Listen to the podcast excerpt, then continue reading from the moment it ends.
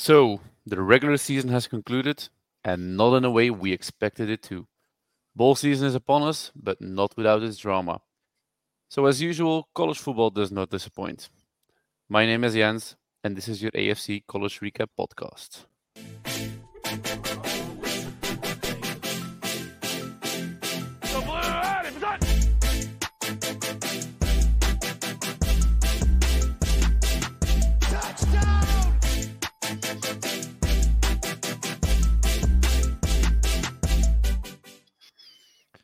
Hello, everybody. My name is Jens. Welcome to the AFC College Recap Podcast. Actually, kind of poetic. We're ending the regular season podcast episodes as we started with Dirk. So Alexis couldn't make it today. So we so we actually had have a small blast to the past because at the beginning of the season, Dirk joined us as well. So thank you very much, Dirk, for joining this quite special episode. I think. As usual, no problem at all, Jens. Well, if you, if you want to talk college football, you're probably the guy you want to talk to because I mean, there are not a whole lot of guys in Belgium you can talk to. I'm afraid there are not a whole lot of guys in Belgium you can talk to, but you're one of the guys who probably is neck deep in college football when the season kicks off. Uh, what do you think of last weekend? Because regular season has concluded, champions have been crowned. The only thing that's left now is bowl season, some playoffs, and, and that's about it. Well, there was a whole lot at stake still, so um, we had a lot to look forward to. We had a lot of unbeaten's who could, well, of course, lose, which happened. Um, some tight games, some blowouts, uh, but usually championship game is just about uh, yeah, confirming what we already know. But um, yeah, we had something different this year, I have to say. Yeah, we had indeed a great weekend with some upsets, as we probably, yeah, as you mentioned, we had a 9.5 underdog who won and a 5.5 underdog who won. Funnily enough, Alabama was not the greatest underdog this weekend. Alabama won against Georgia, and that's probably the one that took us most by surprise because everybody expected Georgia to win it all and actually make it to the final and win the final pretty easily. And now they lost, they are out. The committee was quite harsh to them. They didn't put them in the top four, which could maybe be expected. Are you surprised at all? Maybe or did you see this coming? About, Alabama uh, winning. Uh, Alabama winning, yeah, that was quite possible. I have to say. Uh, we watched Georgia last week against Georgia Tech. Uh, we saw it in person in Atlanta, of course. They didn't throttle uh, Georgia Tech, um, which is still a mediocre. sorry, Sylvain, uh, ACC team. Okay, it's a rival, but they've had these games before. They were cruising on a very, very long winning streak. what was it? Nearly 30 games. 29. Um, so 29, so 29 games. Indeed, nearly 30. Um, and if it had to come to an end, probably had to happen against Alabama. Um, it started off well, I have to say, for the Bulldogs, but then they they let it down. Um, a little bit by our hero Peyton Woodring, of course, who missed a 50-yard field goal, which was quite important. Of course, in the mm-hmm. end, they came up short by three points, uh, but they shot themselves in the foot. Um, on a false it wasn't yeah on a false start and a big sack on that play would have been a 35 yard field goal. Um yeah and then okay it's still alabama it's still nick saban it's still a big recruiting class it's still an sec powerhouse. Um and it was a close game and alabama came out on top. Um i would have guessed still georgia might have edged out uh, a win but they I, I don't think uh, guys like Ladd McConkey uh, and Brock Bowers were 100%. Um, I think Ladd McConkey even had to leave the game again. Um, so, yeah, I think uh, the tank ran empty on Georgia this time. Yeah, Brock Bowers led receptions for the Georgia team, but only with 53 yards.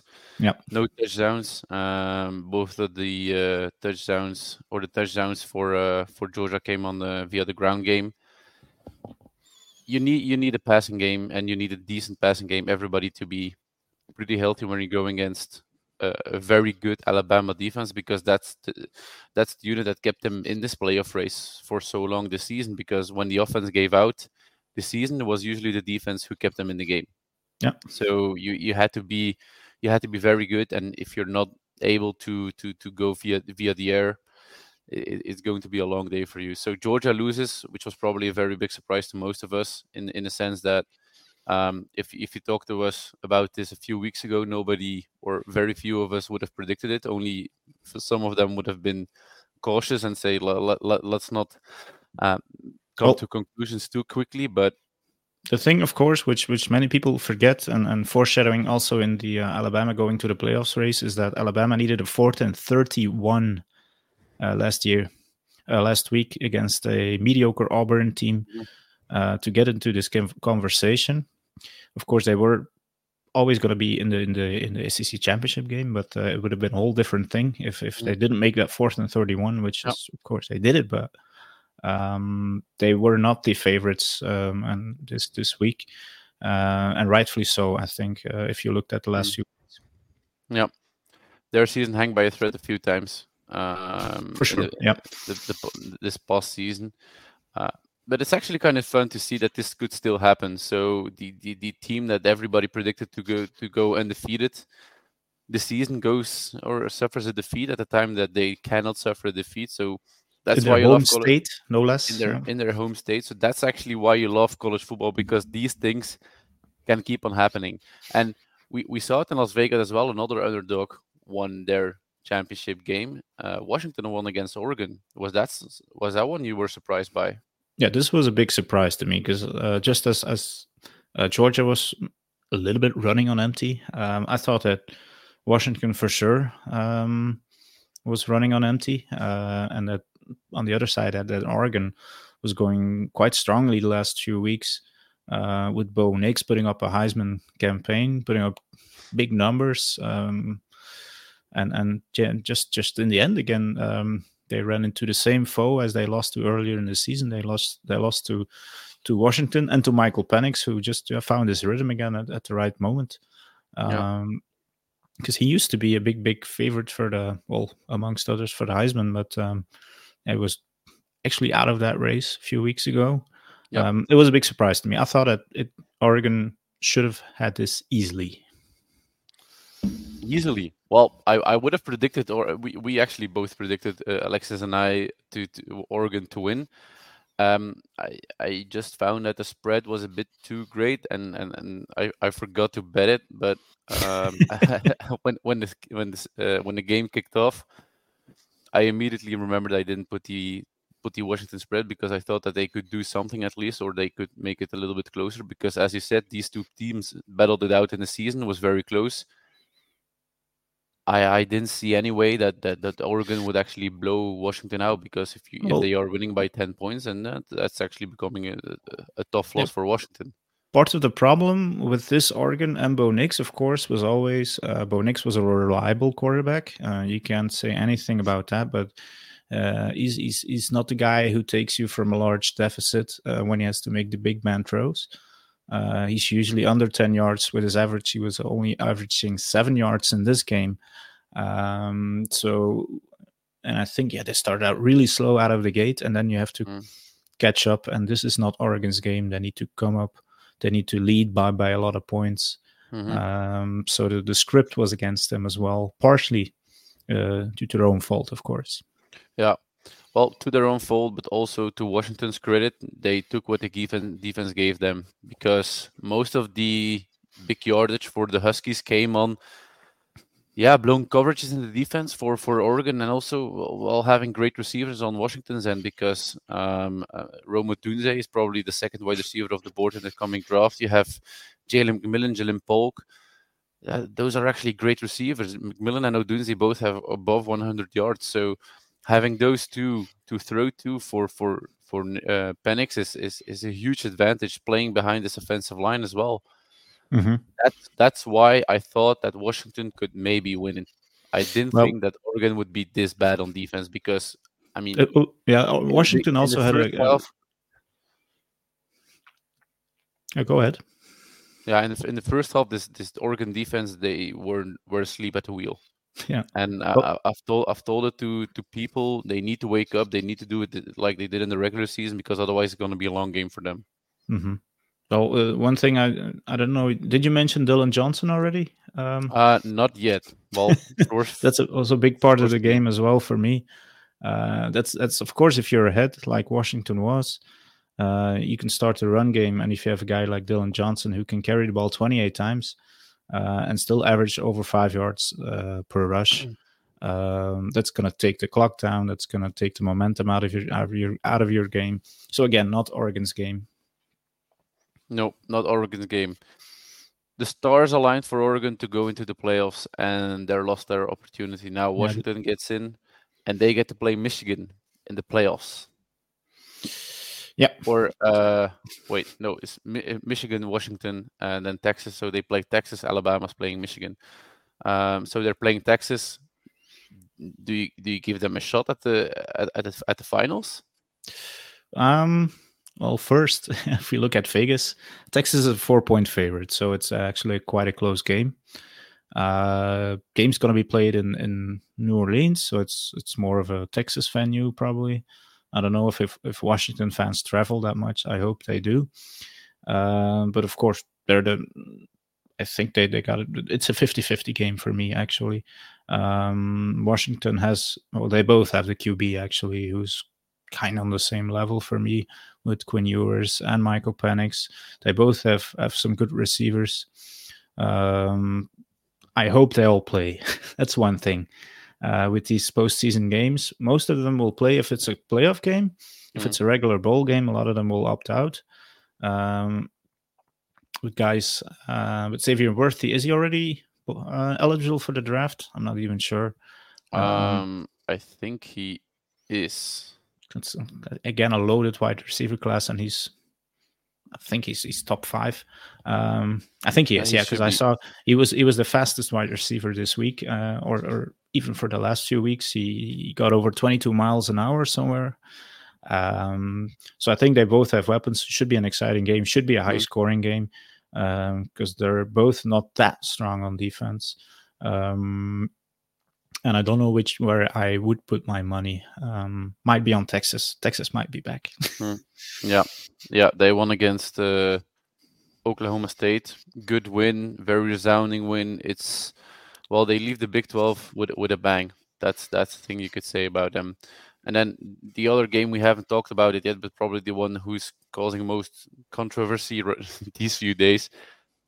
Florida State wins they are yeah. undefeated and they are not in the playoffs. So Alabama takes up their spot, plays against Michigan. Should it have been Florida State? Uh, yeah, it depends on who you ask. If you ask me, I'd say yes. Um, I have a few reasons for that. Um, of course, it's it's the play. It's a committee, and um, they've been telling everybody that they should pit the best four teams. And if you have to really do that, and if you say, okay, close your eyes, you didn't do anything uh, for the for the last 13 or 14 weeks who's who are the best four teams and you have the best four teams in the playoffs right now now you have to look at what they did uh, Florida State did not lose any games. They won the last few games with backup quarterbacks. They have a really outstanding defense. Um, like I said before, Alabama was a fourth and 31 away of not even being in this conversation uh, against the six and six Auburn team, who checks notes. Um, lost to New Mexico State in the weeks before that. Um, so if you if you look at this honestly, and, and, and also the ACC have as a, a seven and four record against SEC teams. So the ACC comes out on top if you compare them to the SEC. Um, take that and the undefeated season, they beat an LSU team in the first week. Um, people forget that because it's 13 or 14 weeks ago. Mm and they still won their their championship. Uh, a Power Five uh, champion leaving them out has never happened in the ten years that the playoffs is going on right now. So in my eyes, they should have been in there. Um, there would have been less controversy if Florida State would have made it um, than it is right now. Of course, uh, yeah, if you're just a college football fan, you're happy that Alabama is there because it um, the spread would have been a lot bigger mm-hmm. um, if it was Florida State and you saw it also when the Michigan team uh, they they were announcing who they were playing, and they said Alabama, and there was like a murmur in mm. there. If it would have been Florida State, I'm sure there would have been some some exactly. whoops, and people would have been happy. Exactly. Um, if I would have been on a committee, committee, my vote would have been for Florida State. You don't go undefeated in a Power Five conference that easily. My thoughts exactly. Florida State should have been in, but it's as you say, we're probably getting the better matchup now with Alabama against Michigan and Florida State against Michigan. I would be more excited even to, to see Alabama play in the playoffs instead of Florida State. No disrespect to Florida State, but losing Jordan Travis is just too great a loss for them to to overcome. That's the elephant in the room, good... of course. Uh, if you lose your starting quarterback, yeah, yeah, that's the reason they're not in. If they would have had Jordan Travis and and and had the exact same results, Jordan Travis having the yeah. exact same stats, they would have been in. So the only reason to me that they are not in is, is the fact that they lost Jordan Travis. Nothing else. Plus, the championship game um, against Louisville, a ranked Louisville, okay, who lost to Kentucky last week, uh, was was it like 3-0 at the half or anything? It was uh, yeah, something like was, that. It, it was not a very exciting game, which was in prime time, so everybody was watching that and said probably like, this Florida mm. State team does not is not deserving. Yeah. Um, so if they would have had like a, a, win like Texas did against Oklahoma State, because nobody's talking about one loss Texas, nobody. Okay, they beat Alabama, um, but it would have been a different story. Yeah, indeed. What game are you most looking forward to in the playoffs? Alabama, Michigan, or Texas, Washington? Has to be Alabama, Michigan. Um, well, yeah, I'm going. I'm going. I'm going Texas, Washington. Are you going to take? Yeah, it's, it's yeah. probably more exciting, but uh, mm. two better teams are pitted in, in, in the other match. I think uh, you'll see less points. Uh, you'll see more runs, especially for Michigan. Um, but I think it should be the one that you look forward to. Just um, also two premier um, yeah, schools uh, going against each other. It's, it doesn't happen a whole lot that Michigan plays Alabama. I, I don't even nope. remember the last time they they actually played each other. Yeah, um, okay, of course, te- Texas Washington is another matchup which is probably unprecedented. Mm. Uh, but I'm going for for Alabama and uh, and Michigan for sure. Well, it's great we get to see both of them, and for us, it's not on New Year's, so. We well, that's a good thing. It. I thought it was at um because last year was a New Year's Eve, right? Yeah, it was New Year's Eve with a Georgia winning it, or actually actually Ohio State losing it at the stroke of midnight. Stroke of midnight, which, uh, which, is which is still pretty pretty epic yeah. if you think of it. This won't happen this year, so it's going to be uh, played on the first of January, which is very good for us. It's perfect. It's, yeah, it's usually right at midnight that they that they are playing, so it's impossible for us to see unless you start to disrupt family dinners, uh, which I, which I don't advise on New Year's. Let's keep it with the family. Um, so it's great for us this year. We get to actually watch them. Very excited about these playoffs. Bowl season is going to be fun again. Betting, we're gonna have some bets. Uh, we're gonna we're gonna put out in the in the in the coming weeks. Uh, so looking forward to that one. Uh, think thank uh, Dirk, thank you very much for jo- in, uh, joining me in this podcast. Um, it, no problem. Like I said, it's a very special one. We end the regular season over here it's time to look forward to the bowl season, and then after bowl season, we're actually on to the draft. So still a lot to come this year for us. Yeah. Heisman very, voting still to come as well. Heisman voting as well. We haven't talked about it yet because it's quite controversial. Uh, we're probably keeping it for another episode, and then we can have uh, uh, Alexis joining, and then have you pit it against Alexis for uh, for who you're gonna vote. I'm I'm pretty sure I know already who's what what's, what's it gonna be but let's keep it for another episode because that one will go probably on for about 10 minutes. Okay. Yeah. Thank you very much, Dirk. Uh, people, thank you for listening throughout the season. We'll be back for bowl season as well. So keep tuned for the uh, for the socials to keep up to date. We're not really sure how the program is going to go. If we're going to go weekly, if we're going to go one big one before the before the ball season starts, still to be decided. But keep an eye on the socials. You will keep, you will be kept up to date. So far, thank you for listening throughout the season. Dirk, thank you for joining me tonight. Thank you for watching with us this season as well. And everybody, see you later. Bye bye.